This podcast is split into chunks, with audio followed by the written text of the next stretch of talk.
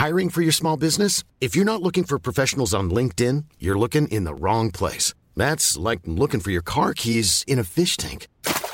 LinkedIn helps you hire professionals you can't find anywhere else, even those who aren't actively searching for a new job but might be open to the perfect role. In a given month, over 70% of LinkedIn users don't even visit other leading job sites. So start looking in the right place. With LinkedIn, you can hire professionals like a professional. Post your free job on linkedin.com slash people today. Everyone knows therapy is great for solving problems. But getting therapy has its own problems too. Like finding the right therapist, fitting into their schedule, and of course, the cost. Well, BetterHelp can solve those problems. It's totally online and built around your schedule. It's surprisingly affordable too. Connect with a credentialed therapist by phone, video, or online chat, all from the comfort of your home. Visit betterhelp.com to learn more and save 10% on your first month. That's BetterHelp H E L P. Since 2013, Bombas has donated over 100 million socks, underwear, and t shirts to those facing homelessness. If we counted those on air, this ad would last over 1,157 days. But if we counted the time it takes to make a donation possible, it would take just a few clicks. Because every time you make a purchase, Bombas donates an item to someone who needs it.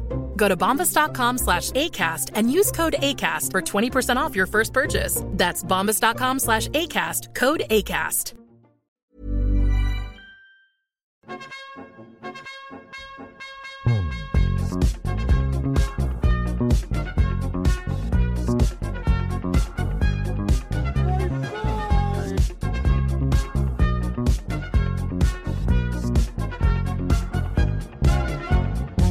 Halli hallå mugglare och välkomna till den prisbelönta podcasten Harrypodden med mig Sebastian From och dig Happy Hagman, välkomna, välkomna! Whoop whoop whoop! Hur är läget med fröken Hagman? Jo men det är bra, det, det är ju, idag är ingen vanlig dag Idag är ingen vanlig dag. Idag är det lax på kontot, halalala dag. Ja, för vi har ju lyckats, eller jag Det här är sjukaste ibland, ibland blir jag förundrad över hur jag själv fungerar. För jag fick ett meddelande i förra veckan, eller jag fick ett missat telefonsamtal och ett meddelande från en kvinna som heter Victoria och bara Hej, jag kontaktade dig angående Normals sponsorskap och jag bara Vad har jag gjort nu? Så började jag tänka bara, bara så här, är det till podden? Är det till mig själv? Är det till Westside? Jag har ingen aning. Så hördes vi av och sen visade det sig att jag har tydligen någon gång mellan, novem mellan november och januari har jag skrivit in något formulär där det var så här Hej! Eh, om du har något kul projekt så kan du få massa pengar av oss och mot att vi kan säga Tja, kolla vi ger, fett, vi ger pengar till roliga människor och så. Och tydligen har vi fått de pengarna, eller vi ska få dem. Jag skickade in papper idag eh, så att vi ska få de pengarna in på mitt konto och sen ska vi redovisa kvitton när vi köper grejer. Men vi kommer få de pengarna. Alltså det är så sjukt, och då måste ni också förstå från mitt perspektiv, så Sebbe har typ gått i sömnen och gjort det här, vilket känns otroligt mycket du. Alltså att du glömmer bort det.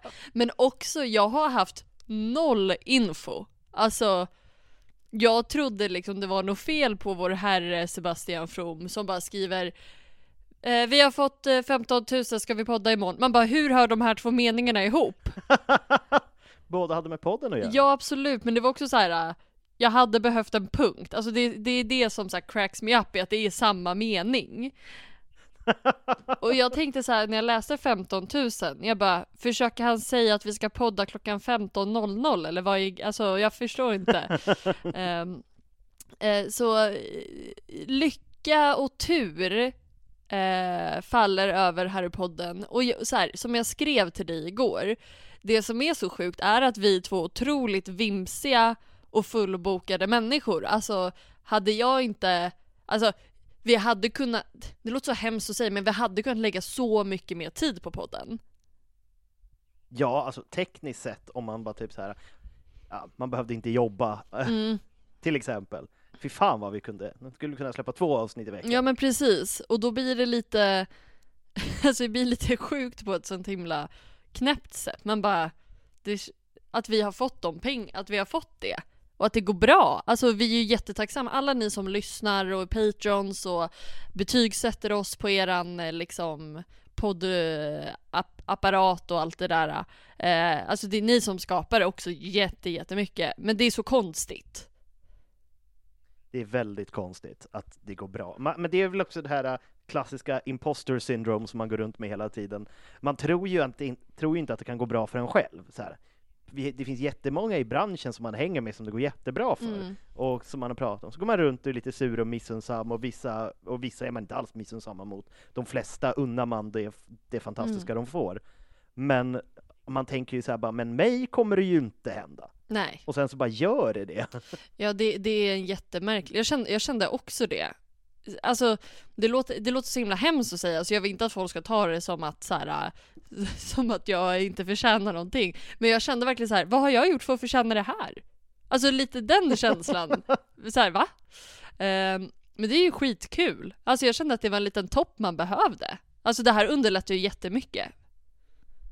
Ja gud ja, vi kan köpa ännu bättre utrustning. Vi kanske kan köpa en Weasley-tvilling. Jag vet inte vad går en Weasley-tvilling för i dagens penningvärde? Jag vet inte, jag måste typ kolla upp det. Alltså, för vi behöver ju inte göra slut med alla pengar på en gång. Vi kan ju spara tills vi har en liten buffert för en tvilling eller två. Ja, alltså vi, vi, måste ju nästan kolla ifall de har Memo eller något liknande. Och bara, det har de. Kan vi köpa? Har de? Ja, det vet jag, att, eller i alla fall att de har haft. Eh, de brukar vara jättemysiga. Jag för, förr fick jag upp sådana på TikTok. Eh, de var jättemysiga. Men jag kände så här, min dröm är ju att sitta typ som du och jag gör nu. Och så poppar de ja. upp och bara Hello!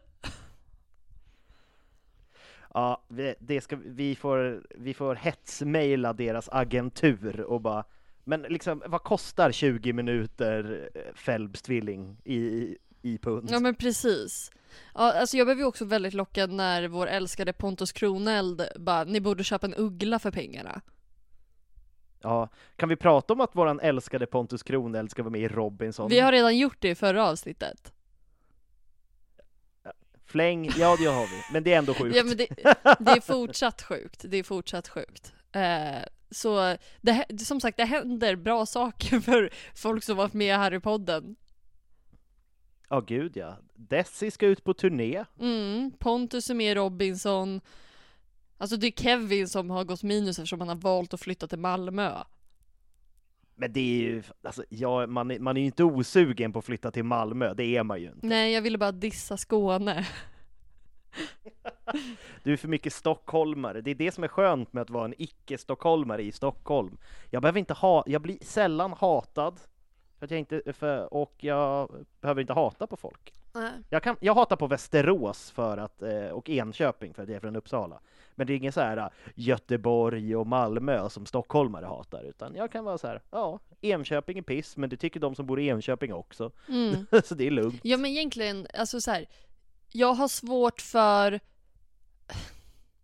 Alltså jag har också så lite hat mot, eller inte hat men jag blir lite så här, jag brukar säga det att så här, Västerås känns som en tjej som heter Sandra med väldigt lös handskakning. ja, det är kanske, det är lite så alltså. Mm.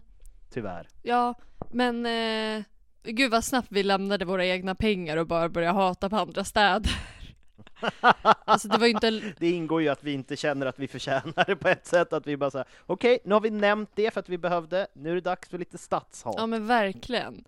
Uh, nej men så även om det här gången nu var det ju du Sebbe som hade nominerat oss men jag, vi vill ändå passa på att säga tack till alla som lyssnar och som gör det möjligt och speciellt, alltså förlåt men det blir ju så ett speciellt tack till alla er som är typ Patreon så att vi får en liten extra slant. Ja. Alltså för det gör ju att vi kan skapa en buffert för att göra bättre saker både kvalitetsmässigt men också vad vi gör.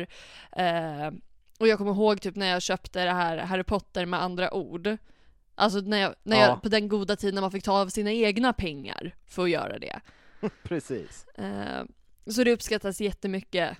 Och jag, jag tror vi båda bara längtar efter dagen när vi bara får hålla på med kreativa saker hela dagarna.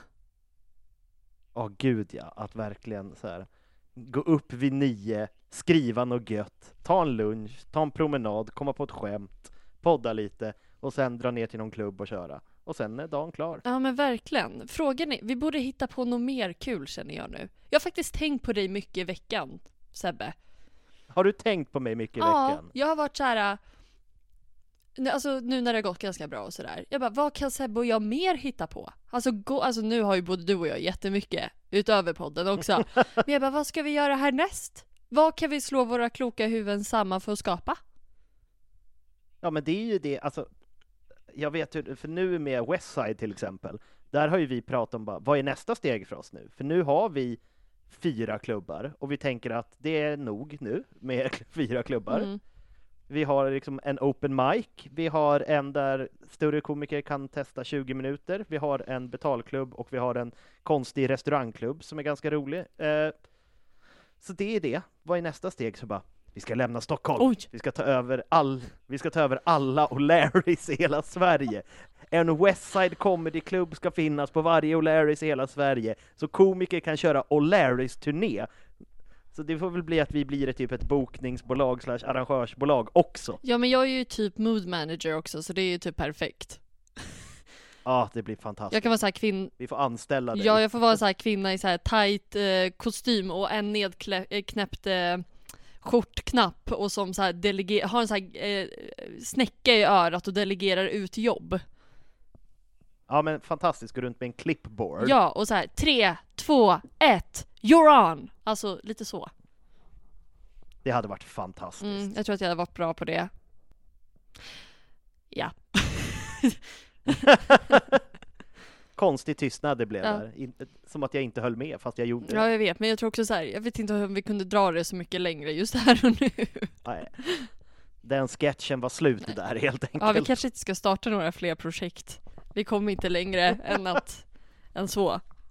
Men, ska vi, ska, ska Men. vi hoppa igång på dagens tema? För vi är ju fyllda av glädje, så därför tänkte vi som vanligt vara ganska självdestruktiva och prata om någonting som inte alls är glatt. För varför ska man fortsätta vara glad? Nej precis, det här blir till sånt där knasigt temaavsnitt som jag börjar kasta in lite då och då där vi liksom inte pratar om ett ämne utan pratar om ett lite lösare tema Mm, istället. precis. Eh, vi ska prata liksom död och sorg i Harry Potter. Eh, ja, Det är så här perfekt avsnitt i februari nu när det är mörkt, men det är, det, det är så här, det börjar ju bli ljusare nu, så det är perfekt att det avsnittet kommer nu när det fortfarande är mörkt och dassigt, och sen så kommer de peppigare avsnitten nu i mars sen när våren börjar komma. Ja men precis. Och liksom, jag te- reflekterade över det idag, så nu börjar jag såklart med att vara självcentrerad och börjar vid mig själv istället. Eh, jag, Kör! jag har ju varit en person som varit otroligt rädd för döden. Alltså på den nivån att liksom det, inte har beg- det har inte begränsat mitt liv, men lite liksom åt det hållet. Att så här, jag har gått och, runt och oroat mig så mycket för att dö. Eh, och sen slog det över och jag bara, äh, dö är inte så farligt. Get hit bebas, come at me bro. Eh, och sen någonstans nu har jag landat lite, alltså så här, att man måste skapa sin, min teori att man måste skapa sin egen relation till döden. Alltså lite så här. jag mår bättre av att tänka så här, ja men när du dör då chillar du bara med dem du älskar typ. Ja, alltså jag har ju haft en så här konstig relation, jag är inte rädd för döden, jag är så himla intresserad av vad som händer sen. Ja. Så att det finns en del av mig som ändå är så här bara, alltså det blir spännande att veta när det väl händer. Mm, ja men visst. Eh, och det, det, det, jag är också så lite så här nästan, det är inte som att jag vill dö, men man blir lite nyfiken. Alltså, Ja. ut, eh, sådär. Och det är väl lite där jag landat i nu. Och där tycker jag att Ja, men om man, J.K. Rowling fick ju mycket kredit, kritik om så här, varför gör det inte så himla mörkt? Alltså många föräldrar var så här, jag kan inte läsa det till mina barn längre när folk dör till höger och vänster och allt är mörkt. Eh, men där tycker jag att hon gjorde ett sånt himla bra beslut att blanda in döden på så många olika sätt och sorg och ensamhet. Eh, för det är ju också saker vi växer upp till. Alltså du kan, in, Ja. du kan inte undvika döden. Du kanske lever tills du är 90 eller 100 men du kommer inte undvika att ha döden runt omkring dig. Eh, så för mig nu när jag har lite mer positiv eh, och så här, nästan lite, jag, har, jag är inte religiös men jag har ju som min egna religiösa syn på döden så gör mig ganska trygg i livet också. De går liksom hand i hand. Så är det så viktigt att beröra de här punkterna.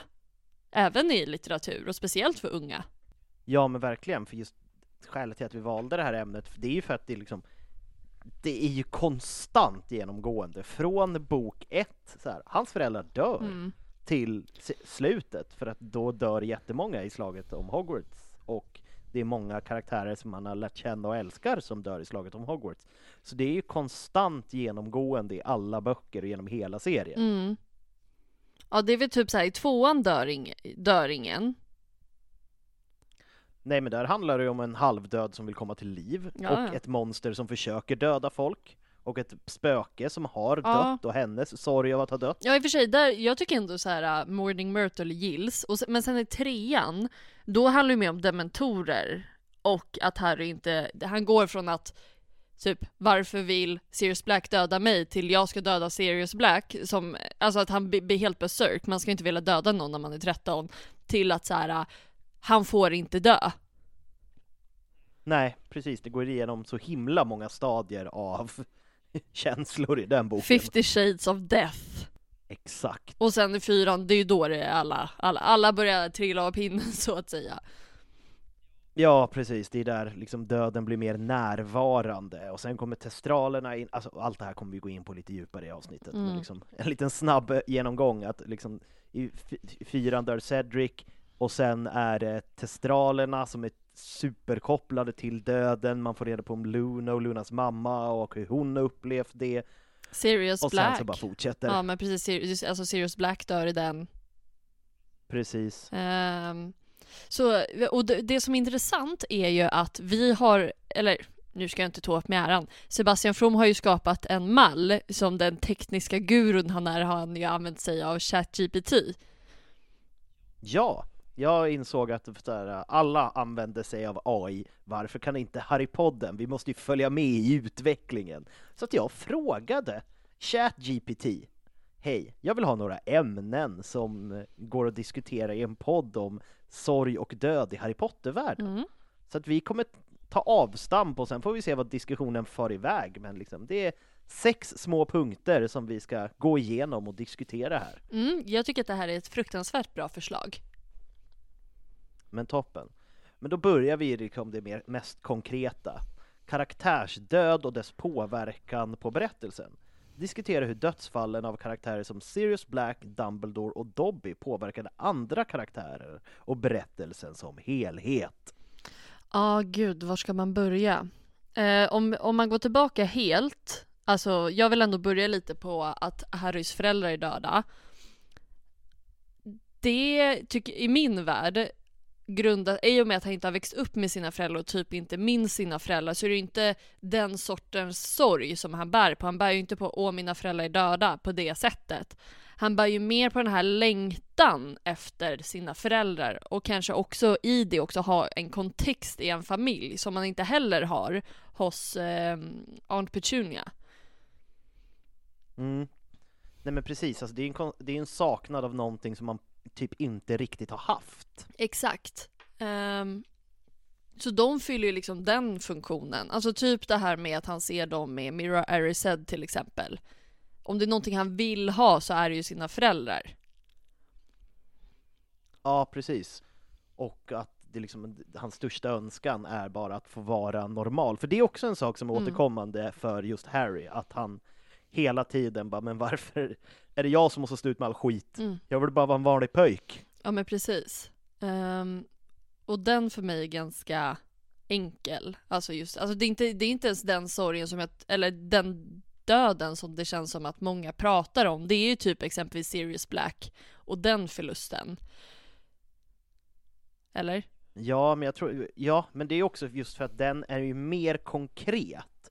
För det är ju mer en händelse. Eh, Att Harrys föräldrar är döda är ju mer en konstant grej i Harrys liv. Medan eh, Sirius Blacks död, det är liksom okej, nu är det nice, han har en fadersfigur, han har en länk tillbaka till sin familj och sen så rycks den ifrån honom ganska hastigt. Mm, precis. Alltså, ja men verkligen. Det är ju, för det första har ju de en väldigt fin connection som inte heller blir pappa-son utan som verkligen blir som du säger. Han är, Sirius Black är en fadersfigur men också bara, han blir ju verkligen en farbror eller en gudfar. Liksom. Ja, Eh, de finner varandra fort han, får, eh, han ska bo med Sirius och sen så är plötsligt ska Sirius dö. Ja, och det är ju redan från trean när det är snack om att han, alltså innan det skiter sig med att de ska rent två Sirius, så är ju planen bara, nej men jag ska flytta hem till dig. Mm. Sen så hade nog det inte hänt eftersom hela magin runt Petunia så tror jag ingen hade tillåtit det. Mm. Precis. Men ändå, det är ju hans längtan så bara okej nu ska jag få komma ifrån det här destruktiva på eh, Private Drive och liksom få en ordentlig plats i trollkarlsgemenskapen och en riktig familj. Mm, precis. Eh, och Sirius död påverkar ju inte minst Lupin också. Om man, det känns som att det är de två som förlorar mest. Ja, och eh, som vi nämnde i förra avsnittet, Tonks blir också väldigt påverkad för att hon skyller på sig själv. Mm. Precis. Så eh, hos henne finns det ju skam och skuld. Över, typ som att, Precis. som att hon hade kunnat göra någonting. I Harry till en början fylls det ju med ilska.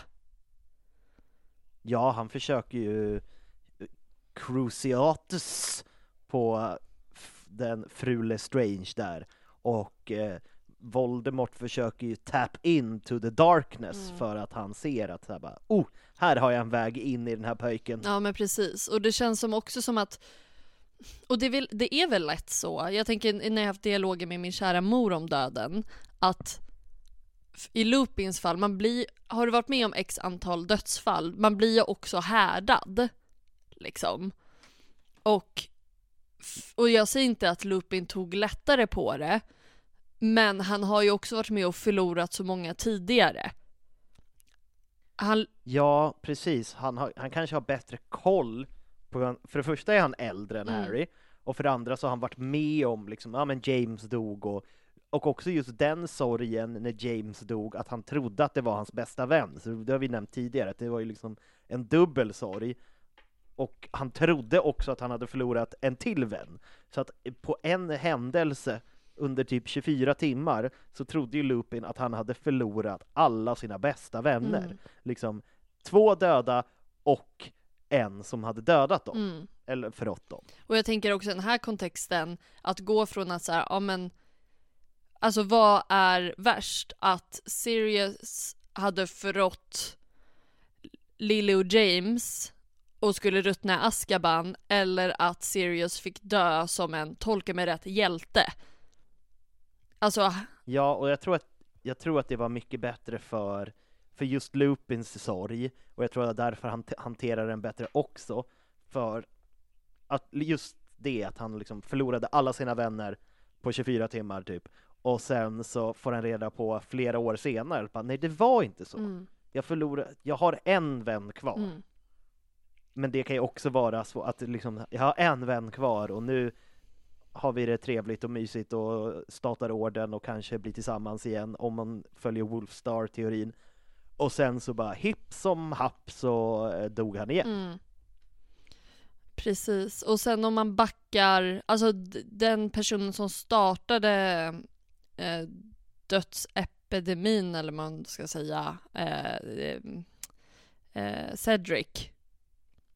Ja, Det är också en annan slags död som får en annan, det är ju typ första gången som Harry på det sättet ser både Voldemort och döden i vitögat. ja och det är ju supertraumatiserande. Det, det nämns ju snabbt i filmen, men i böckerna så är det en stor grej att Harry har ju konstanta mardrömmar efter det. Mm. Precis. Ehm, och döden av Cedric för Harry blir ju också lite så här. Vilka tror honom? Och vilka tror inte på honom? Och vad kommer det här betyda framåt? Och lite skuld också på något sätt för på något sätt så här, Cedric hade inte dött om inte de hade tagit eh, trofén samtidigt och Cedric hade inte dött om inte Harry var Harry. Nej, precis. Alltså, om inte de hade hållit på med sin konstiga manlighetstävling Mm. av vi är båda exakt lika bra, nu ska vi ta den tillsammans. Om Harry hade varit lite mer av en Slytherin kanske, Mm. och hade sagt så här, bara, nej, jag kom först, jag ska ha den, då hade inte Cedric dött. Nej men precis. Eh, och det här slutar ju också för att, alltså, så att pappa Diggory eh, blir ensam. Ja, Och det känns, och oh gud för att inte tala om show, jag fick en så här världens show-flashback nu. ja, för att det, det är ju också en komplicerad grej att Harry är lite betuttad i Show, Show är lite betuttad i Cedric och Harry antagligen, och eh, sen så får han liksom eftermälet i att både trösta men också ish försöka dejta henne samtidigt. Mm. Ja men verkligen. Och den, jag tycker shows so- sorg är så svår i och med att man får följa väldigt starkt från Harrys perspektiv.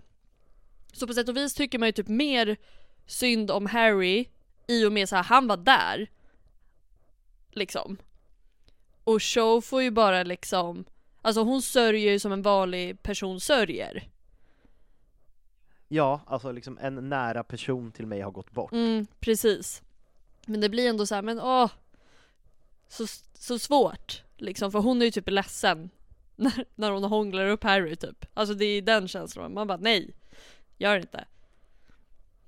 Ja, hon känner väl också skuld och, och skam Mm. just i den stunden, eller antagligen alla stunder hon förstår att hon har känslor för Harry också. Mm. Precis. Men det är ju typ som att alla på Hogwarts får sin, om de inte redan haft en första döden upplevelse så är ju det där.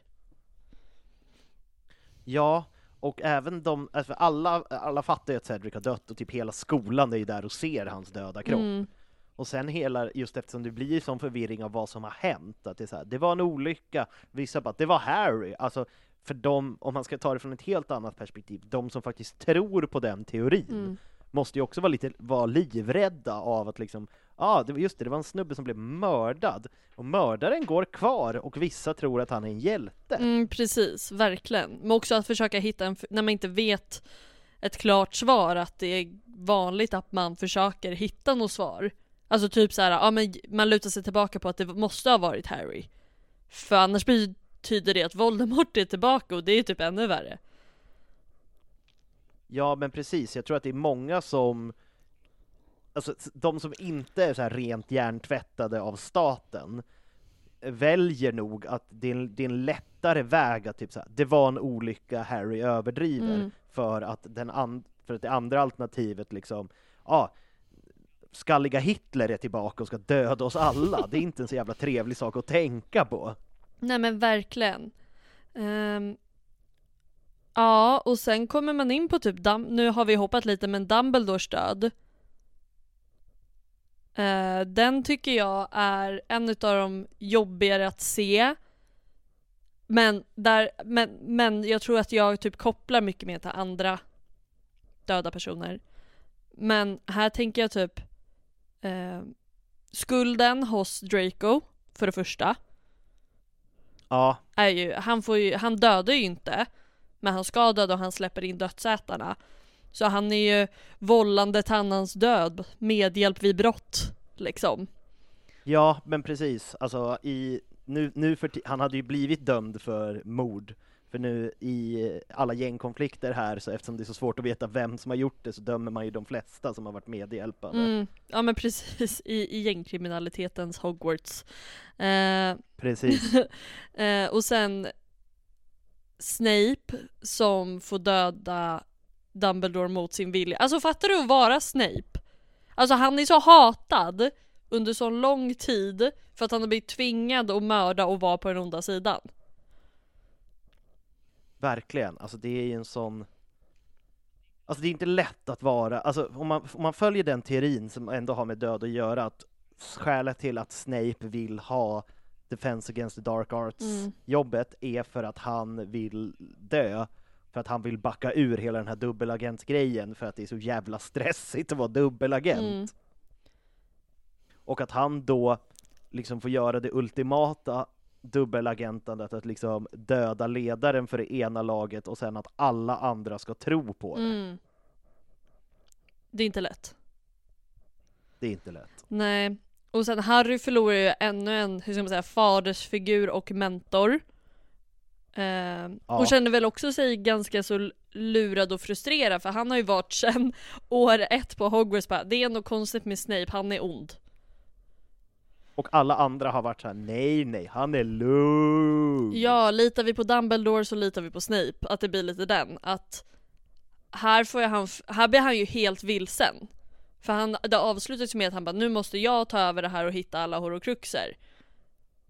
Ja, och liksom det skäller ju Ron lite på när han lackar och så här bara, kunde inte Dumbledore ha gett dig lite mera information på hur vi fan ska göra det här? Ja men precis. Eh, jag, kan, jag, jag anser ju inte att Dumbledore riktigt, han som ändå planerade sin död tycker jag inte planerade så bra. Han borde väl gjort en liten checklista eller någonting. Ehm, Ja, men, men alltså hade de fått en lista, för att Dumbledore är inte dum. Han fattade nog liksom så här, okej, Voldemort, han fattade typ att det var Nagini, mm, för det tror jag han lite förmedlade. Men han visste ju att det var Harry, och det var, det var ju med, det var ju förberett Ja. att han skulle få reda på det. Men alla andra horocruxer, att det bara så okej, vi tror, eller jag tror efter mina efterforskningar, att han gillade mäktiga grejer. Här är en lista på mäktiga magiska föremål. Skicka med tio, det kommer ju vara några av dem. liksom, alla kommer ju inte vara med, men liksom, här är, här är några som det kan vara. Leta upp dem. Jag har hört rykten om det här, jag har hört rykten om Helga Hufflepuffs kopp, mm. till exempel. Kolla på det här. Ja men precis. Eh, nej, så där är ju, men här tycker jag också att det typ lite märks att Sirius död påverkade Harry på ett annat sätt. Ja, för att... Men det är också för att Harry har kanske inte samma tid att sörja Dumbledore eftersom direkt efter Dumbledores död så är det bara hux flux ut och leta horokruxer. Ja men verkligen, för under den här tiden blir det ju också lite att han blir ju rädd för sitt liv och folk han älskar. För det är ju verkligen nu han börjar också så här, ingen ska följa med mig, jag ska göra det här själv. Att han börjar ju fatta att så här, om inte jag gör någonting så kommer det här gå åt pipsvängen. Verkligen. Att så här, folk dör som flugor runt mig så fort jag får för mig att göra någonting Mm. och hålla på med grejer. Så nu kanske jag ska hålla på med grejer själv. Ja men verkligen. Eh, och sen inte minst eh, McGonagall förlorar ju också en av sina äldsta vänner. Ja, och hon blir ju extremt påverkad och särskilt under den tiden eftersom hon tror ju också, precis som alla andra, att det är Snape. Och jag tror att hela, alltså hela lärarkåren, McGonagall är ju viktigast Mm. i den eftersom hon stod honom närmast. Men att liksom hela lärarkåren efter det bara så här hux flux, eh, våran ledare och mentor är död. Nu ska några nazister komma in och misshandla sexåringar och han som dödade är den nya rektorn. Nu får ni leva med det. Mm. Ja men verkligen. Och lite samma där som för Harry, att hon har liksom inte tid att, hon har inte tid att sörja på samma sätt för hon måste ju se till att saker rullar och skydda barnen. Det är ju det hon får göra. Ja, hon, hinner ju vara rektor i typ en kvart, för det är liksom så här, okej, han dör, det är hans begravning, alla kommer, till och med folk som inte borde vara där, typ Umbridge Så kommer, jävla oklart. och sen så eh, tar dödsätarna över Hogwarts. Ja. Och det som också är viktigt nu när du näm- nämner Umbridge så kommer jag bara att tänka på, alltså så här, man, vi sitter ju och säger så här, ah, det är så jävla sjukt att Harry vill tortera och döda folk för att han är så jävla ledsen. Men också så här, ja men typ när man är på typ så här äh, Harry Potter live in concert eller när filmerna gick och det, alltså scenen när typ Bellatrix blir mördad. Alla bara Ja. yay! Alltså, det är också lite kul att man hejar på. Ja men verkligen, att det blir ju också så att de mest hatade karaktärerna får ju, får, blir man ju lite glad när de dör, men Umbridge dör ju aldrig. Nej. Jag tror att hon hade fått det största hurraropet om hon hade om hon hade bara fått en sten i huvudet på ministeriet. Ja men verkligen. Eh, och sen Dobbys död är ju Alltså än idag lägger ju folk blommor, eller vad säger jag, strumpor på platsen där de spelade in den scenen. Ja men det har ju gått, det har vi ju nämnt tidigare, det har gått så långt att de har sagt snälla sluta för att det är faktiskt nedskräpning. Det är inte bra för miljön att ni lämnar massa strumpor här. Mm. Men den döden, Men jag tror oj också, förlåt, säg. men jag tror också att det påverkar just för att han är en, en viss, han är, o, han är ju som ett barn. Mm.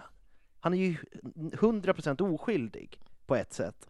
Alltså för liksom Sirius Black, han har sina han har sina sidor, han är ju lite, han är inte en gråzonskaraktär, men man har ju trott att han har varit en mördare, och han har varit lite av en mobbare, och Dumbledore är ju också lite så här tvetydig i vad han står egentligen, medan Dobby står ju för någon typ ren och barnslig godhet. Mm. Ja men verkligen, och det känns som att den döden påverkade oss alla mest. Alltså utav alla som dog i Harry Potter-serien är ju det den som folk tycker är typ jobbigast.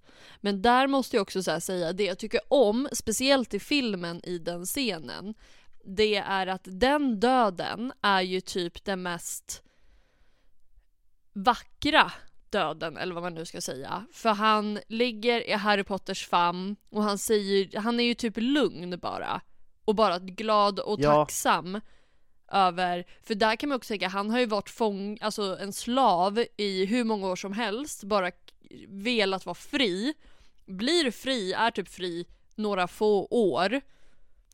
För att sen Men han, han gör ju och han gör ju också det bästa av de åren. Han drar ju bara runt och liksom har på sig fulla strumpor och lever life. Ja det är sant, men i perspektiv till det livet han har levt är det ju inte så länge. Men han är så tacksam att han har vänner och han är så tacksam över det han har fått göra. Och det tror jag har det finaste budskapet utav alla som dör. Ja, men precis. Att, att både uppskatta livet och att livet är värt när man har folk runt sig som man bryr sig om. Ja, precis. Och sen för att jag inte klarar av att prata om det så länge så har vi också Freds död och jag vill inte ens prata om vad det gör med George. Nej, det får ju honom att börja dejta hans tjej och må jävligt dåligt. Hur ska jag hantera det här? Jag kanske får återuppleva honom om jag lå- låtsas vara honom och dejta hans tjeja. Exakt. Ja.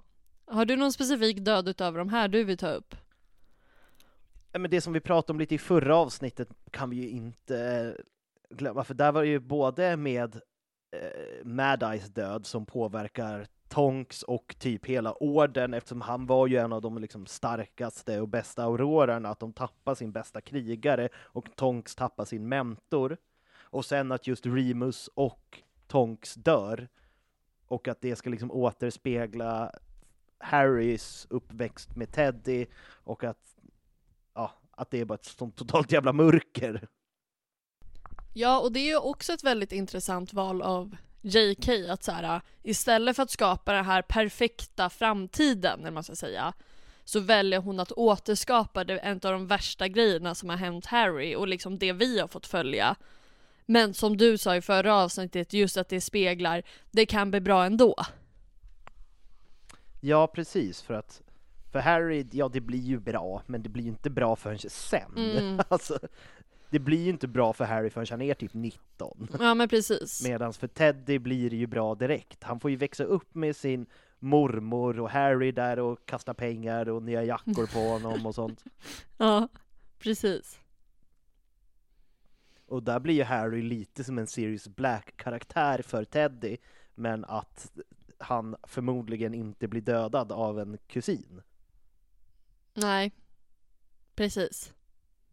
Får vi hoppas. Känner vi, klara, känner vi oss klara med eh, första punkten med karaktärsdöder och sånt? Det finns säkert flera vi har missat, så ni får jättegärna skriva till oss på Instagram på Harrypodden ifall det var någon karaktärsdöd som påverkade er mer än de vi redan har nämnt. Jag vill nämna en jättesnabb eh, koppling också, eller så här, skillnad. Eh, som, jag, som vi sa, så här, men Harry längtar efter sina föräldrar och saknar sina föräldrar på det sättet. Om man ska göra en koppling till Delfini, Ja, hon blir ju istället så här, precis det som Dumbledore säger. Liksom man kan inte få tillbaka de döda, man ska inte leva i det förflutna. Hon Nej. tar ju det till en extrem motsats. Eh, hon är ju också Voldemorts unge så såklart gör hon det. Men det är fortfarande värt att nämna tänker jag. För hon vill ju också ve- vem är mina föräldrar och gör allt för att få tillbaka dem. ja men precis. Och det påverkar ju storyn ganska markant i The Cursed Child. Mm, precis. Så jag vill bara ha det nämnt. Yes. Men eh, vi har ju varit in, alltså jag tror att vi kommer väva in typ alla punkter i det vi pratar om, men jag tänker ändå Mm. läsa upp dem för jag tycker ChatGPT har gjort så bra jobb. Att eh, de, oli- de olika sätten att hantera sorg, jämför och konstatera hur olika karaktärer hanterar förlust och sorg, från Harrys sorg efter sina föräldrar till Ron och Hermiones sorg över sina förluster. Alltså en grej som är lite av en så här, inte skillnad men Ja men Harry blir väl, när han inser så här, shit alla kommer typ dö om vi inte fixar det här så är han ju så här: okej vi måste ut och fixa det här. Liksom. Vi måste ut och hitta horrocruxer. Ron är ju minst lika rädd att förlora sin familj och folk han älskar. Okej, sure han har horrocruxer runt halsen och allt det där men han blir ju rädd så att han blir arg. Ja, och det blir ju lite som typ Harry är när, när han är 13 och vill döda Sirius Black. Ron är i och för sig på grund av Horcrux, men är ju lite så redan eh, där. Ja. Eller senare menar jag. Ja men precis, och jag tror att det handlar om att han känner sig också väldigt maktlös. Alltså att han blir ju frustrerad även, även på typ Harry och Hermione. Ehm, liksom. Ja, och för att Har- Harry har ju ingen familj att förlora. Hermione har ju löst det genom att obliviata dem och eh, skicka iväg dem till Australien. Mm. Så är egentligen i den kontexten där i sjuan så är det ju bara Ron i trion som har folk kvar att förlora. Mm, precis. Ehm, ja men jag kan inte liksom komma på någonting annat typ konkret. Alltså hur folk hanterar sorg. Nej. Nej, för att liksom den närmaste, alltså de karaktärer, Harrys sorg har vi gått igenom väldigt mycket hantera, och Ron, man får inte riktigt uppleva Rons sorg till exempel om Freds död så mycket, eftersom det är ju när i är slut.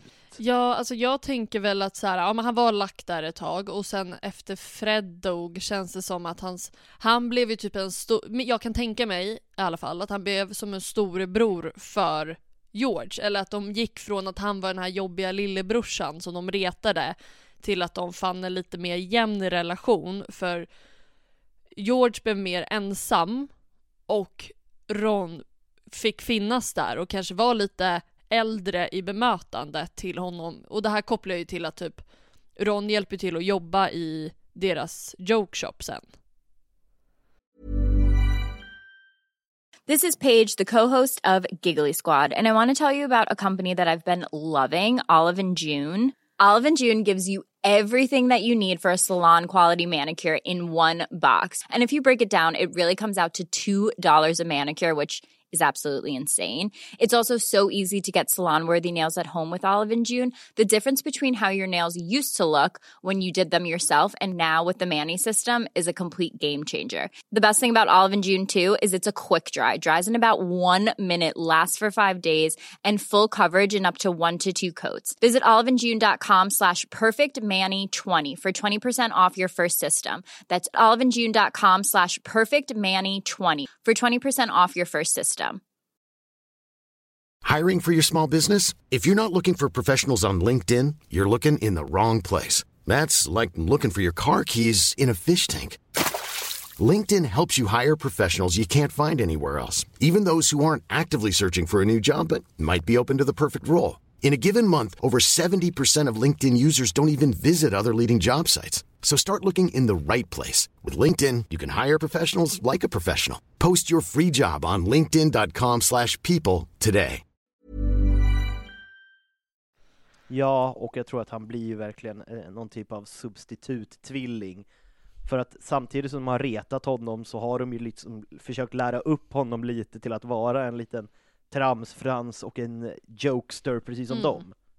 Precis. Eh, så så tänker jag att han fick, liksom, han fick liksom ta den rollen och den tror jag är väldigt skön för honom eftersom han alltid har känt sig att han inte har ett syfte i familjen. Ja, precis. Han har ju varit lite utelämnad där och att det är deppigt att han hittar sin plats när någon dör. Men det kanske var det som behövdes för familjedynamiken. Mm, precis. Eller, ja, en, en sak jag bara vill lägga till innan vi hoppar till nästa, det är ju det att Rowling har ju sagt att hon valde mellan Sirius Black och Arthur Weasley. Mm. Hur tror du det hade blivit för Ron om det hade blivit Arthur Weasley istället för Sirius Black? Oj. ehm. jag tror ändå... Det är lite jobbigt att säga, men det här kopplar jag väl lite till hur han hanterar rädslan av döden i början av eh, dödsrelikerna. Jag tror att han hade blivit... Jag tror att han hade kunnat vända den sorgen åt fel håll. Jag tror ändå det. Eh, hur vet jag inte riktigt, men ja, men kan, jag vet inte, alltså ilskan mot, eller sorgen över sin pappa och ilskan över att Voldemort är tillbaka. Jag tror att han hade kunnat lägga det på Harry mer i en tanke.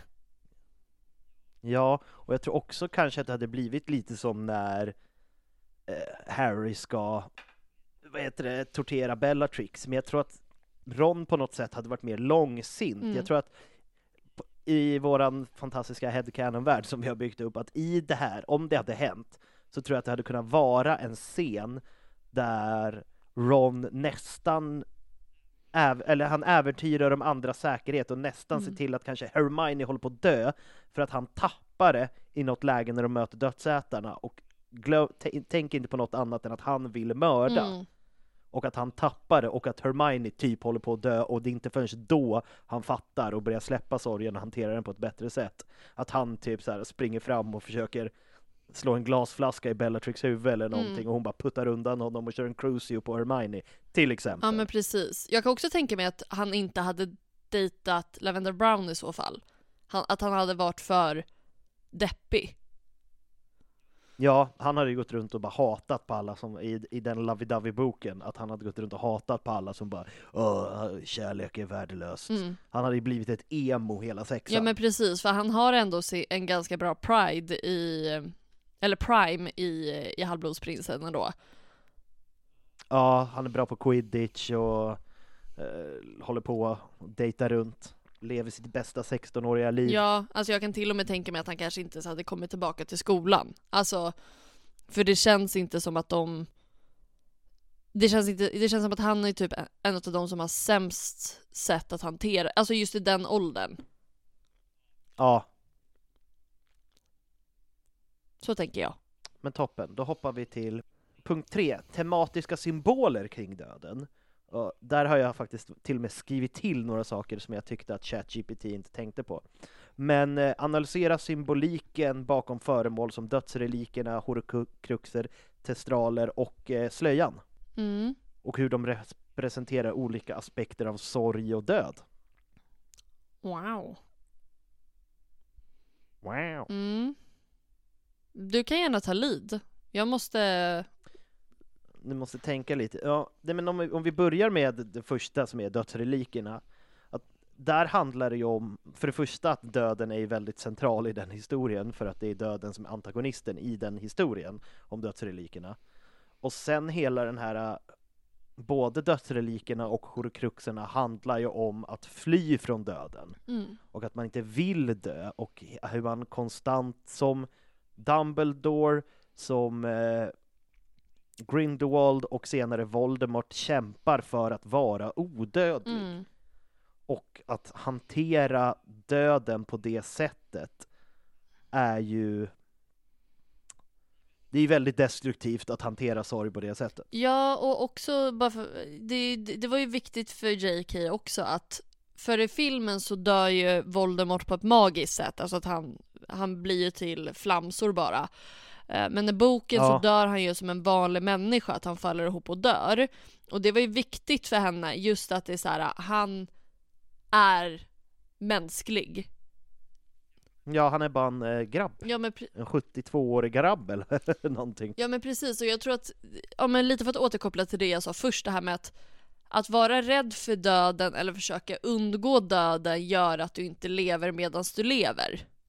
Eh, Nej, och det ser man ju också, och det det, nej men det ser man ju, det tycker jag att hans utseende också symboliserar utöver liksom, ja men hans utseende förstörs också för att han liksom gör hemska saker eh, och han ska se läskig ut så är det ju också en symbolik över att när du kämpar för att inte dö så kan du inte leva eller vara mänsklig. Och det är lite så fin- de, vissa som är jätterädda för döden, de låser ju bara in sig. Och då lever du ju inte. Ja. Nej precis, och hela den här som folk nämner att det, här, det, finns ju trollkarlar som blir utan magisk hjälp blir typ så här 150 Mm. år. Men han blev hälften av det för att han höll på att tjafsa för mycket. Mm, precis. Eh, men vilka nämnde du mer? Du nämnde du vil, alltså slöjan. Och eh, testralerna.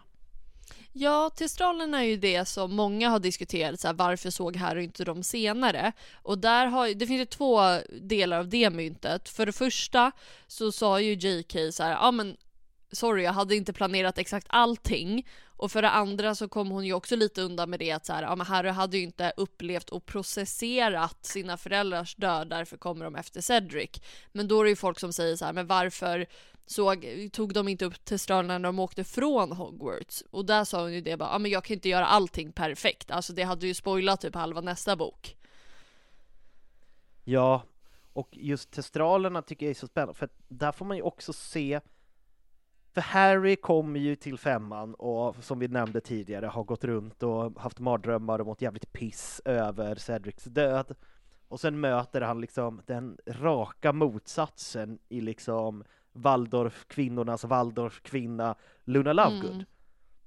Som bara ser dem som vackra och tycker att det är dumt att folk är rädda för dem och det känns som att hon i grund och botten har en väldigt fin syn på döden. Kanske för att hon har behövt få det, för att det känns som att hennes pappa kanske inte är den mest pedagogiska pappan. Så att i hanteringen av Pandoras död så kanske hon fick liksom göra det ganska mycket själv, men det ledde till att hon fick en ganska fin syn på döden. Mm, ja men verkligen. Och jag tror också att det är därför hon är viktig för Harry också. Att det är hon som visar honom testralerna och liksom kan förklara för att han är ju ganska mycket mörker.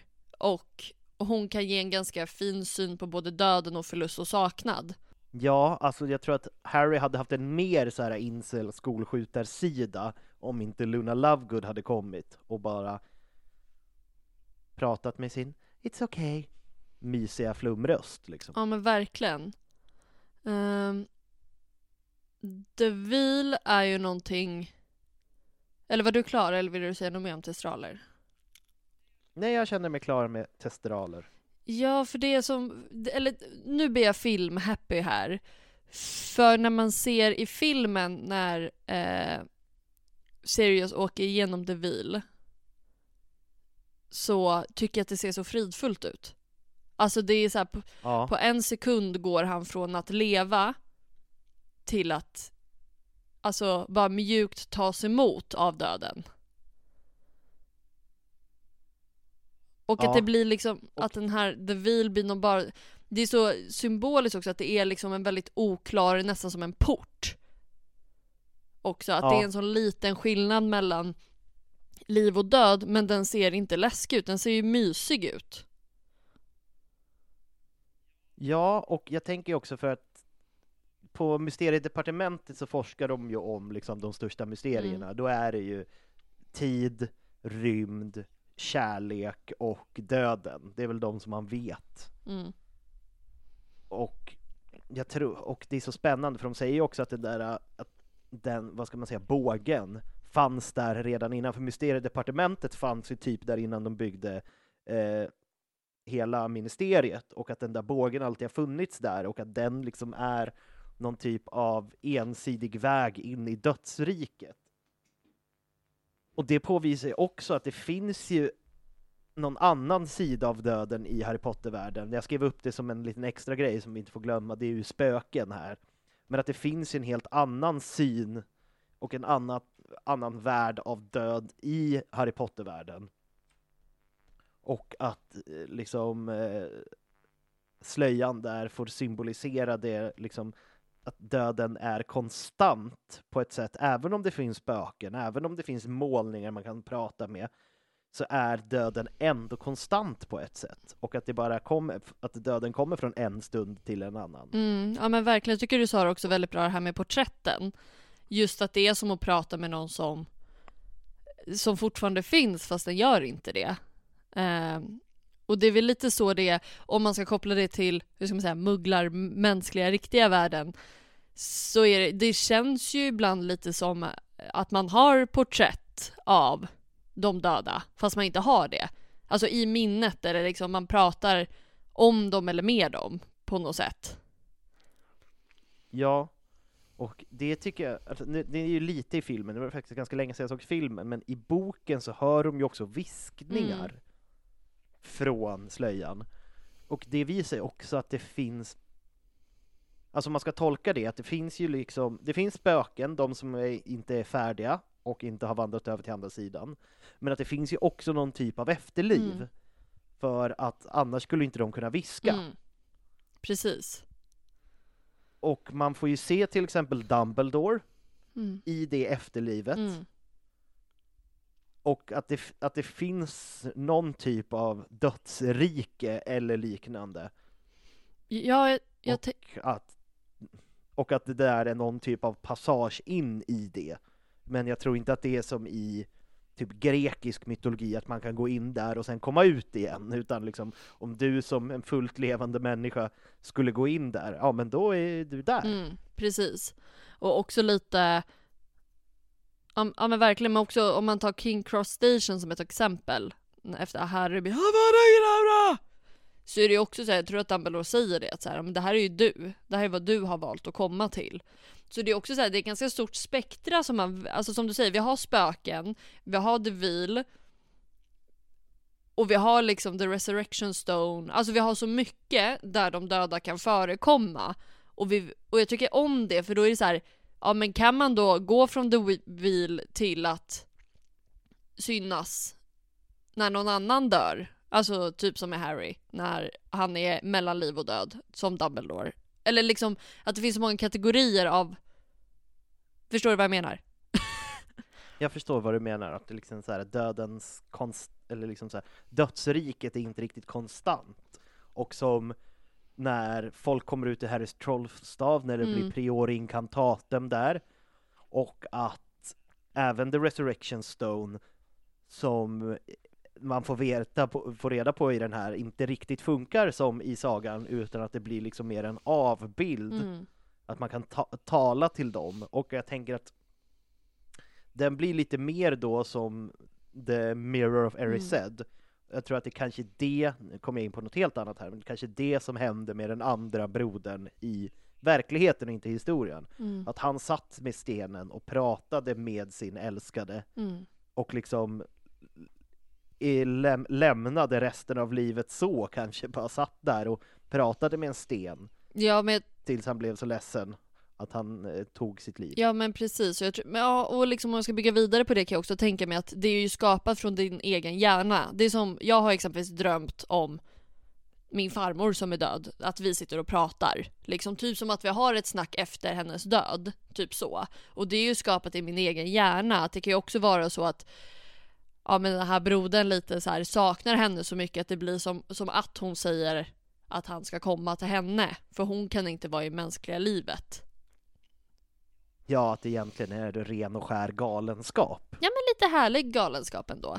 Eh, och då, då Ja. vill jag också faktiskt också ta upp eh, dementorer, för de symboliserar depression men kan ta död på en. Ja, och det påvisar ju att för att depression kan ta död på en. Ja men precis, absolut. Men det är också så... Det, jag tycker också att det är intressant att så här, ja men dementorer kan absolut ta död på dig.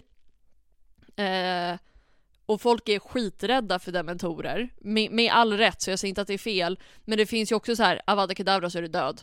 Eh, men visar väl också på kraften av bara ång, alltså depression som fenomen. Att man liksom inte ens vill röra det med all rätt. Liksom. Det är såklart man känner att man inte vill vara deprimerad men det är väldigt intressant. Och det känns som att många som dör av dementorskyssen, att det tar tid. Ja, för det känns ju också så här. äh, Det känns inte som om dementorer vill döda, Nej för då får de ingen utan mat. de vill ju, precis, de vill ju suga ut livskraft.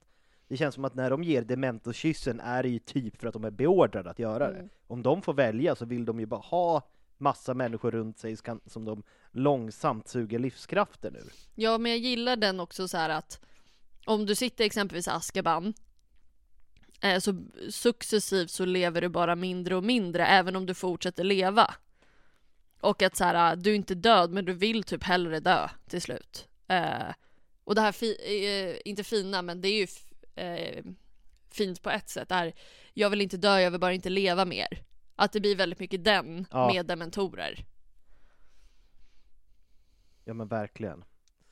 Ska vi hoppa till punkt fyra? Ja. Om vi ska hinna med alla de här goa Ja, punkterna. varför är vi så bra att prata om död? Det var vi väldigt bra på. Eller hur? Fast i och för sig, vartenda avsnitt är det så här bara, vad ska vi prata om? Så här 40 minuter in bara, oj vi hade saker att prata Mm. om. Ja, jag vet. Det är helt otroligt. Men den här är också spännande för det pratas inte jättemycket om så nu blir det väldigt mycket teoretiserande. Mm. Magiska traditioner och ritualer kring döden. Utforskar de magiska traditioner och ritualer som förekommer vid dödsfall såsom begravningar och minnesstunder, hur de skiljer sig från mugglarvärldens egna traditioner. Och vi får ju bara uppleva en eller två begravningar egentligen. Det är Dumbledores och sen är det Dobbys. Och i Dobbys så är ju Harry väldigt tydlig med att han inte vill använda magi Mm. för att det, det, ska, det ska han inte göra, han vill göra det ordentligt. Och Dumbledores begravning känns ju mer liksom som en magisk begravning. Nu, nu drar jag ihop både bok och film här, men med att liksom, ja men alla är där och testralerna, nej inte testralerna, kentaurerna skjuter pilregn och, och sen i filmen att han blir nerlagd på någon ö i någon vit marmorsarkofag. Det känns väldigt Mm. både magiskt och lite gudalikt för Dumbledore. Mm. Medan Dobby är raka motsatsen, det är liksom, vi lägger lite sten på honom. Ja, men precis. Ehm, jag vill också... Det känns som att det är återkommande, men Cedric är också ett bra exempel. Att de har ju... Och det kan jag ändå känna igen. Vi hade tyvärr en pojke som dog på min skola när jag gick på gymnasiet. Och just att man... Och det var ju väldigt likt, men att de, ha, de har ju en minnesstund för Cedric också. Alltså där man på ett Ja. sätt ska försöka förklara för de här unga personerna vad det är som har hänt. Till exempel. Eh, som känns väldigt rimlig. Liksom, och gans, väldigt o, den känns ju väldigt om, nu går jag också kanske lite mot filmhållet, men den känns ju väldigt omagisk. Ja, men jag vet ju också inte, liksom, förutom att, som vi har pratat om tidigare, att vi tror inte att kristendomen är så jäkla stor i trollkarlsvärlden, så tror jag att liksom, men begravningsritualer, nu går vi djupt in i andra nördigheter här, har ju ändå varit så här. Alltså det finns ju likheter genom historien, antingen så bränns man eller så jordfästs man. Mm, Och det har ju varit ganska liknande, skitsamma nästan vilken religion det är. mm, Och jag tänker att det är väl samma i trollkarlsvärlden också, bara att man kanske inte har en präst och böner. mm. Men liksom man ser att The Peverells är begravna på en mugglarbegravningsplats. Samma sak Mm. med Harrys föräldrar. Och det kanske inte finns så många det, det, det känns som att det finns, som Hogsmeade, att det finns en full trollkarlsby. Det finns liksom en muggl, eller heter det, trollkarlsbegravningsplats, men det är bara typ Sacred 28 som har köpt alla platser där Mm. för hela sin släkt. Det är bara familjegravar. Så att jag tror att de liksom begravningsritualerna är väldigt lika, bara att det typ inte är böner. Mm. Ja, och sen har man ju också det här där de höjer alla trollstavar i filmen. Ja, Den symboliserar ju två saker. Både det som Dumbledore säger redan i, om det är trean, det här med eh, In the time of darkness you have to remember to turn on the light. Att det är Ja. så mörkt och så tänder de upp. Men det är också, det är också en väldigt fin grej som också blir magisk för att du måste ha en trollstav. Det hade nog sett ganska dumt ut om människor gjorde det med ficklampor. Eh, men man gör det ju med ja men ljus. då blir det ju så här. äh, Ja men precis, då blir det mer den här konserten när alla lyser med ficklampor som är så tråkig nu när man inte får tända det längre. Mm. Att det blir inte lika magiskt. Nej men precis. Eh, nej men för den scenen älskar jag. Ja, den är väldigt bra. Mm. Även om jag är ledsen att man inte hade med hans begravning Mm. så känner jag att den där ger ändå någonting. Ja men verkligen. Och sen också så här, intressant bara inflik, nu var det här i och för sig ett mord, men när det känns också, men det skapade en tanke hos mig, när Voldemort går berserk och dödar alla svartalver. Ja, Det är såhär, vad gör man de kropparna? men det känns som att de har väl också sina, alltså man får ju tänka att de lever ju i trollkarlssamhället precis som trollkarlar, bara att de kanske har lite en annan status. Men det finns ju liksom The Goblin Liaison Office och de har någonting att säga till om inom politiken. Så de har väl sina egna begravningsritualer. Det kommer väl en liten svart alv som läser någonting, någon fin dikt på gobbledygook, Mm. som deras fantastiska språk heter. Och eh, de har säkert också något sätt att göra det på. Ja, absolut. De känns som jordfästning eftersom de gillar att vara nere i grottor och gruvor och sånt. Mm. För de är, de är ju verkligen i, i vad heter det, trollkarlsvärlden, de är ju verkligen en blandning av ja, det är svartalver, alltså goblins och eh, dvärgar från liksom fornnordisk, att det är de som är bra på smide, det är de som håller sig i gruvor och grottor och sånt. Så jag tror att de gör säkert någon typ av jordfästning som har med sten att göra. Mm, verkligen. Ja, det var bara en tanke jag hade. Mm. Men då, punkt nummer fem här då. Karaktärsutveckling genom förlust. Diskutera hur förlust och sorg bidrar till karaktärsutveckling, som till exempel Harrys växande förståelse av döden och dess betydelse. Vi har varit lite inne på det här i både punkt två med hanteringen av Mm. sorg och med testralerna, men har du några fler tankar på hur liksom karaktärerna utvecklas och blir bättre karaktärer för att de får uppleva döden Mm. Ja, men du nämnde Luna. Och jag tror väl också lite det att hon hade ju inte varit den hon var om inte hennes mamma hade dött. Ehm. vilka dör? Men det är som du varit inne på lite Fred och George, vad är dina tankar kring det? Det har du sagt flera gånger, men du kan slänga in det nu ändå. Nej men jag tänker, nej, men om jag tar för hela Weasley-familjen i stort så tror jag liksom att, ja men som sagt att Ron får mer plats på något sätt, att han får steppa upp. Eh, men också typ att hela familjedynamiken ändras. Jag kan tänka mig typ exempelvis att Charlie kommer hem oftare från Rumänien typ. Till exempel. Alltså att det är såklart det kastas om. För alla. Ja, men, men att familjen kanske blir, för också så här, i samband med, Mm. inte på grund av, så kommer ju Percy tillbaka till familjen. Mm. Så att liksom Weasley-familjens band stärks nog ganska markant av den, det bortfallet. Ja, eh, verkligen. Sen tror jag, Och eh, om... Nej, kör. nej men sen måste en, li- en liten så här slow burn är ju också typ Neville i sig.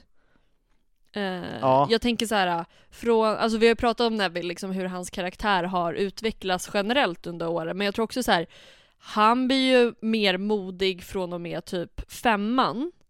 Men det är också då han får stå framför sina föräldrars typ inte mördare, men de är ju typ mer eller mindre som döda. Liksom. De har blivit torterade.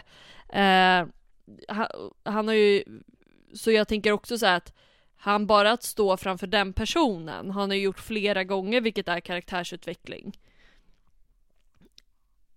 Ja men verkligen, och eh, fan, det var någonting jag tänkte på som jag glömde ut av helt och hållet.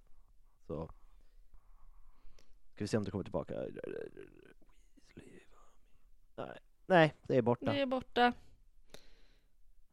Men jag tror just det, det, alltså det blir en, en konsekvens, rättare sagt en rättare, på- eh, det du var inne på med Neville, att Nevilles karaktärsutveckling blir jättestark på grund av Cedrics död, även om han kanske inte blev så direkt påverkad, för att Cedrics död ledde till att eh, vad heter det, Dumbledores armé startade, vilket gav honom ett självförtroende, vilket ledde till att han sen följde med till eh, mysteriedepartementet och som du sa mötte sina föräldrars eh, typ mördare. Ja absolut, men jag tror också så här.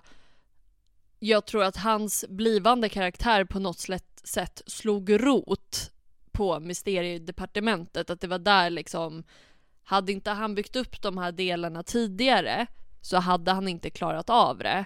Eh, och jag tror att han blev den han blev efter just det. Ja, och där får man ju se en, en karaktärsutvecklingsdöd som inte är på riktigt när de tror att Harry har dött. Mm, Och han verkligen så här haltar fram mm. Och bara F you, Voldy. Ja, han, Han är bara en pöjk, jag är en annan pöjk, vi kommer inte ge upp bara för att han är död, och sen dödar han Nagini, och liksom Det är ju en av de viktigaste grejerna i sista boken, att liksom Neville tar svärdet som den äkta Gryffindor han är, och bara halshugger ormen. ja men precis, och det är, det är lite det jag tänker också. Eh, han, där är ju inte han rädd för att själv dö. Nej, han har ju liksom släppt allt från när man träffar Neville i ettan, när han är liksom nervös, fett mycket imposter syndrome, glömsk och bara, alltså han är ju bara neurotisk. Mm. Han behöver ju ångestdämpande deluxe Mm. liksom fram till femman. Ja, och sen också ska vi inte glömma Snape. Nej, alltså hans död blir ju karaktärsutveckling, både för honom, för att vi får reda på väldigt mycket om Mm. honom, men ger ju också karaktärsutveckling till Harry när Harry inser att han eh, ska dö, och påverkar ju hela historien. Ja, och jag tänker också så här, Snapes rädsla av att Lily ska dö gör att han går över mot det goda, att det är hans soft spot. Men också att efter Lily dör så väljer han ju ändå ännu en gång att fortsätta, hur ska man säga, vara god, eller vad man nu ska kalla det. Ja, precis. Han, för att i, det skulle ju kunna vara rimligt för honom att bara säga okej, Dumbledore misslyckades med det här. Nu går jag tillbaka till den här sidan för nu ska Dumbledore få skit för Mm. det här. Det hade han ju rimligt sett kunna göra. Precis, verkligen. Ehm, sen tror jag att det var bra, nu, nu blir det lite headcanon-aktigt, men sen tror jag att det var bra för Hermione och Ron att deras förhållande typ startar på, alltså de har ju känt varandra jättelänge, men just att hon får finnas där för honom. Ja, för att han han, är, ju- eh, han har ju the emotional range of a teaspoon Mm. och jag tror att det som anledningen till att deras relation inte kan starta tidigare är för att Hermione behöver mer emotionell bredd. Mm.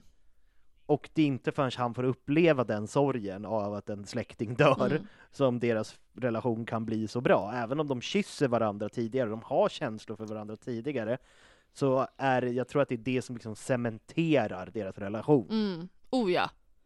Verkligen. Det tror jag verkligen. Eh, och jag tror att det är det som blir typ li- möjligen lite komplicerat för Ginny och Harry, för det känns inte riktigt som att Harry kommer vilja, eftersom han, han har inte riktigt jobbat så tidigare, lite som vi har sagt att han kanske har en liten kaosfas efter slaget på Hogwarts, att han vill inte riktigt ta på allt det som har hänt, för då ska han ta på så himla mycket och Ginny är ledsen av förlusten av sin bror.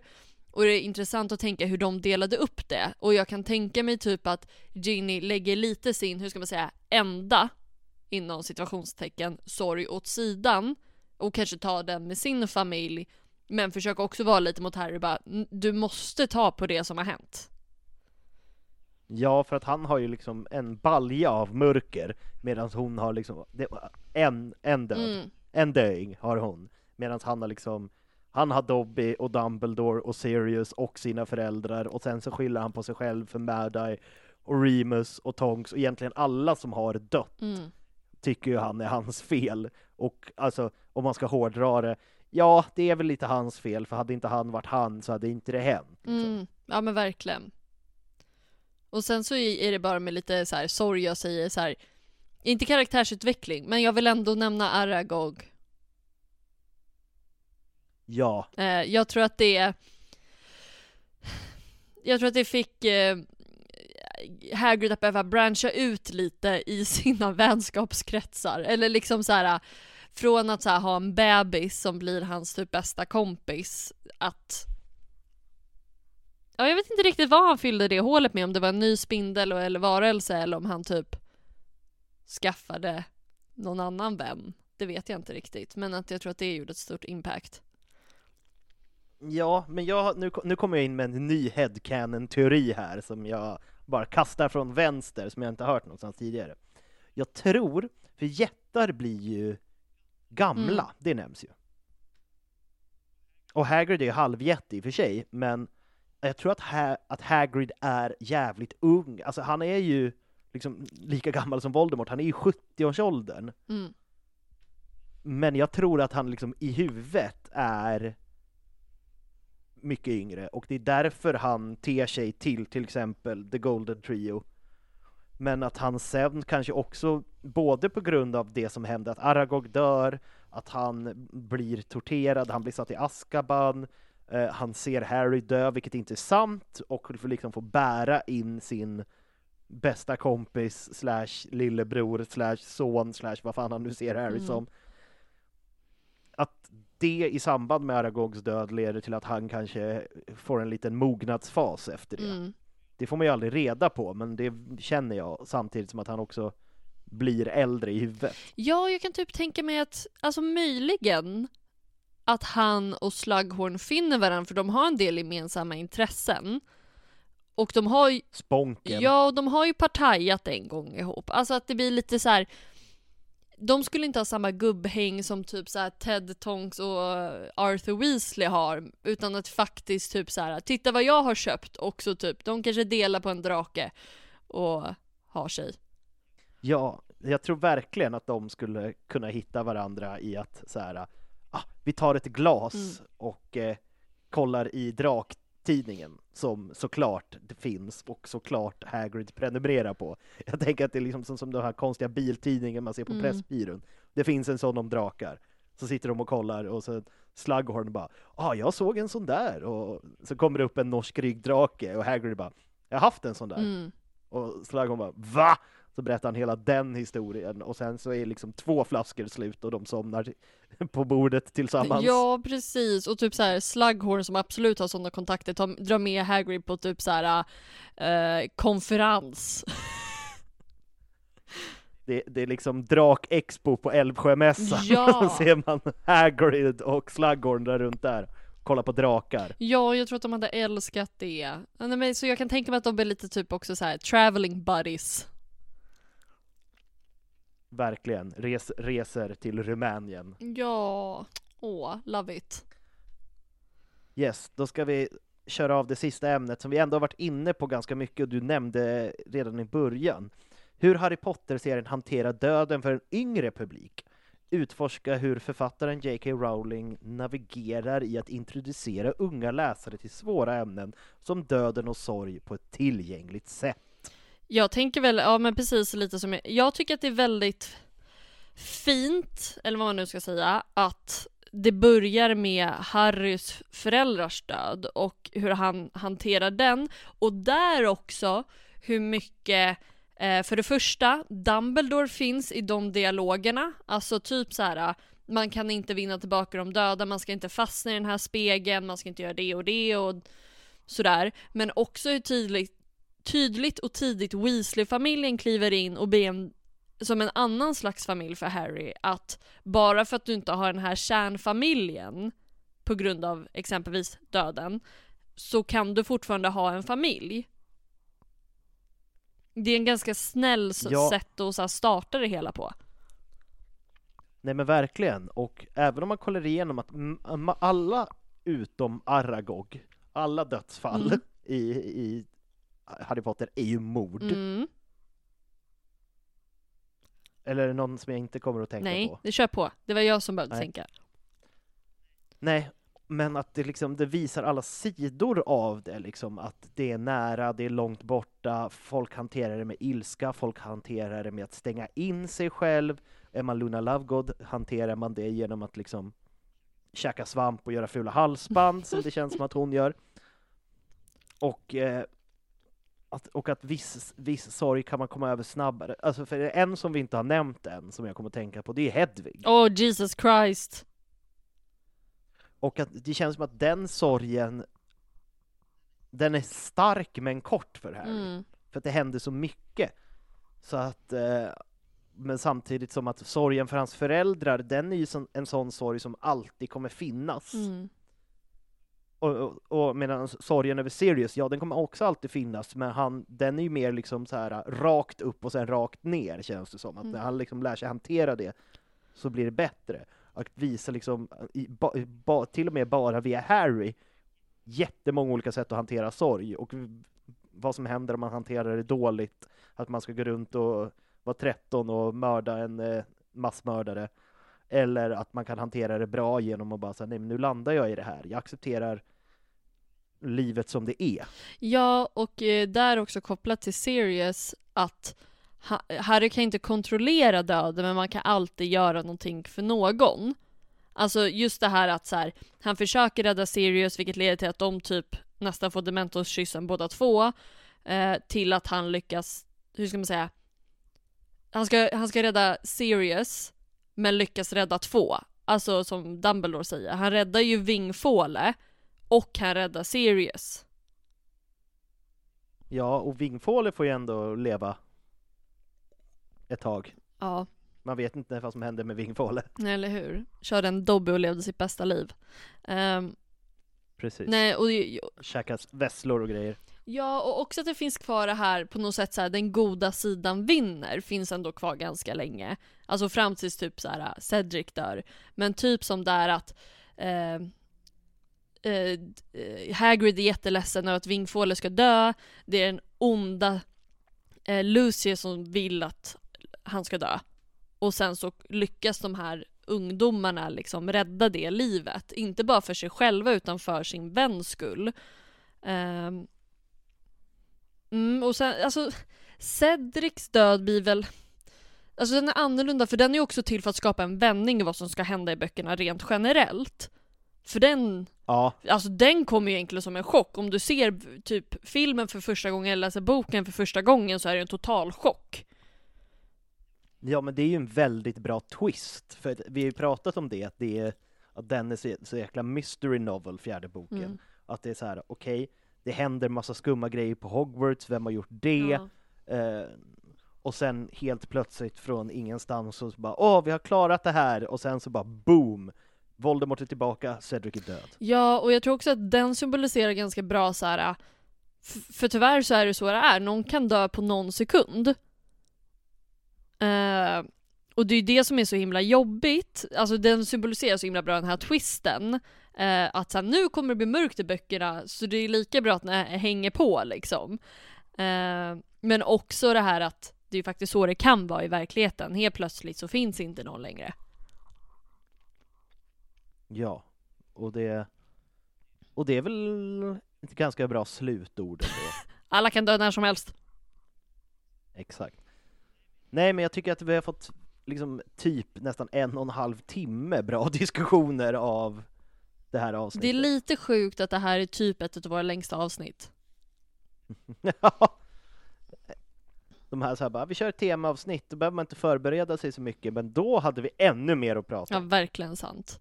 Eh, så för att wrap it up kan jag ju säga att ni får jättegärna bli Patreon, då stöttar ni mig och Sebbe i vår process att göra podden bättre och ni får extra material. Grattis, grattis! Eh, det kan ni bli på patreon.com slash herrepodden. Tycker ni att Sebbe är bra på att analysera död och sorg, då kan ni följa honom på en riktigt bra pinne. Och känner ni att Happy hon tänker för mycket på döden, men jag vill gärna vara med i den processen så kan ni följa mig på Happy Hagman med två N på slutet. Eh, känner ni att nej men jag har inte tid att bli patte, men jag vill jättegärna följa med på vad som händer i Harrypod, Harrypoddens värld så får ni följa oss på Instagram där vi heter Harrypodden och ni får jättegärna kommunicera med oss där. Eh, betygsätt oss gärna. Det gör oss ytterst glada. Och eh, kolla, håll koll på våra Instagrams när vi är ute och skojsar och lojsar för att till vardags så sitter vi inte och pratar om döden utan vi sitter och säger, eller står och säger tramsiga grejer på scen ibland. Mm. Precis, med Sebbe. Ja, och ni får jättegärna kolla när vi kör. Jag brukar lägga upp på Instagram, jag har varit väldigt dålig på att lägga upp på Instagram när jag kör, men eh, jag ska försöka bli bättre. Mm. Och jag ska fortsätta med mina flamsigheter. Det tycker jag att du ska. Mm. Skriv på du här. Ja, Och eh, med de orden så har vi varit här i podden med mig Sebastian From. och mig, Happy Hagman. Puss och Puss hej! och hej!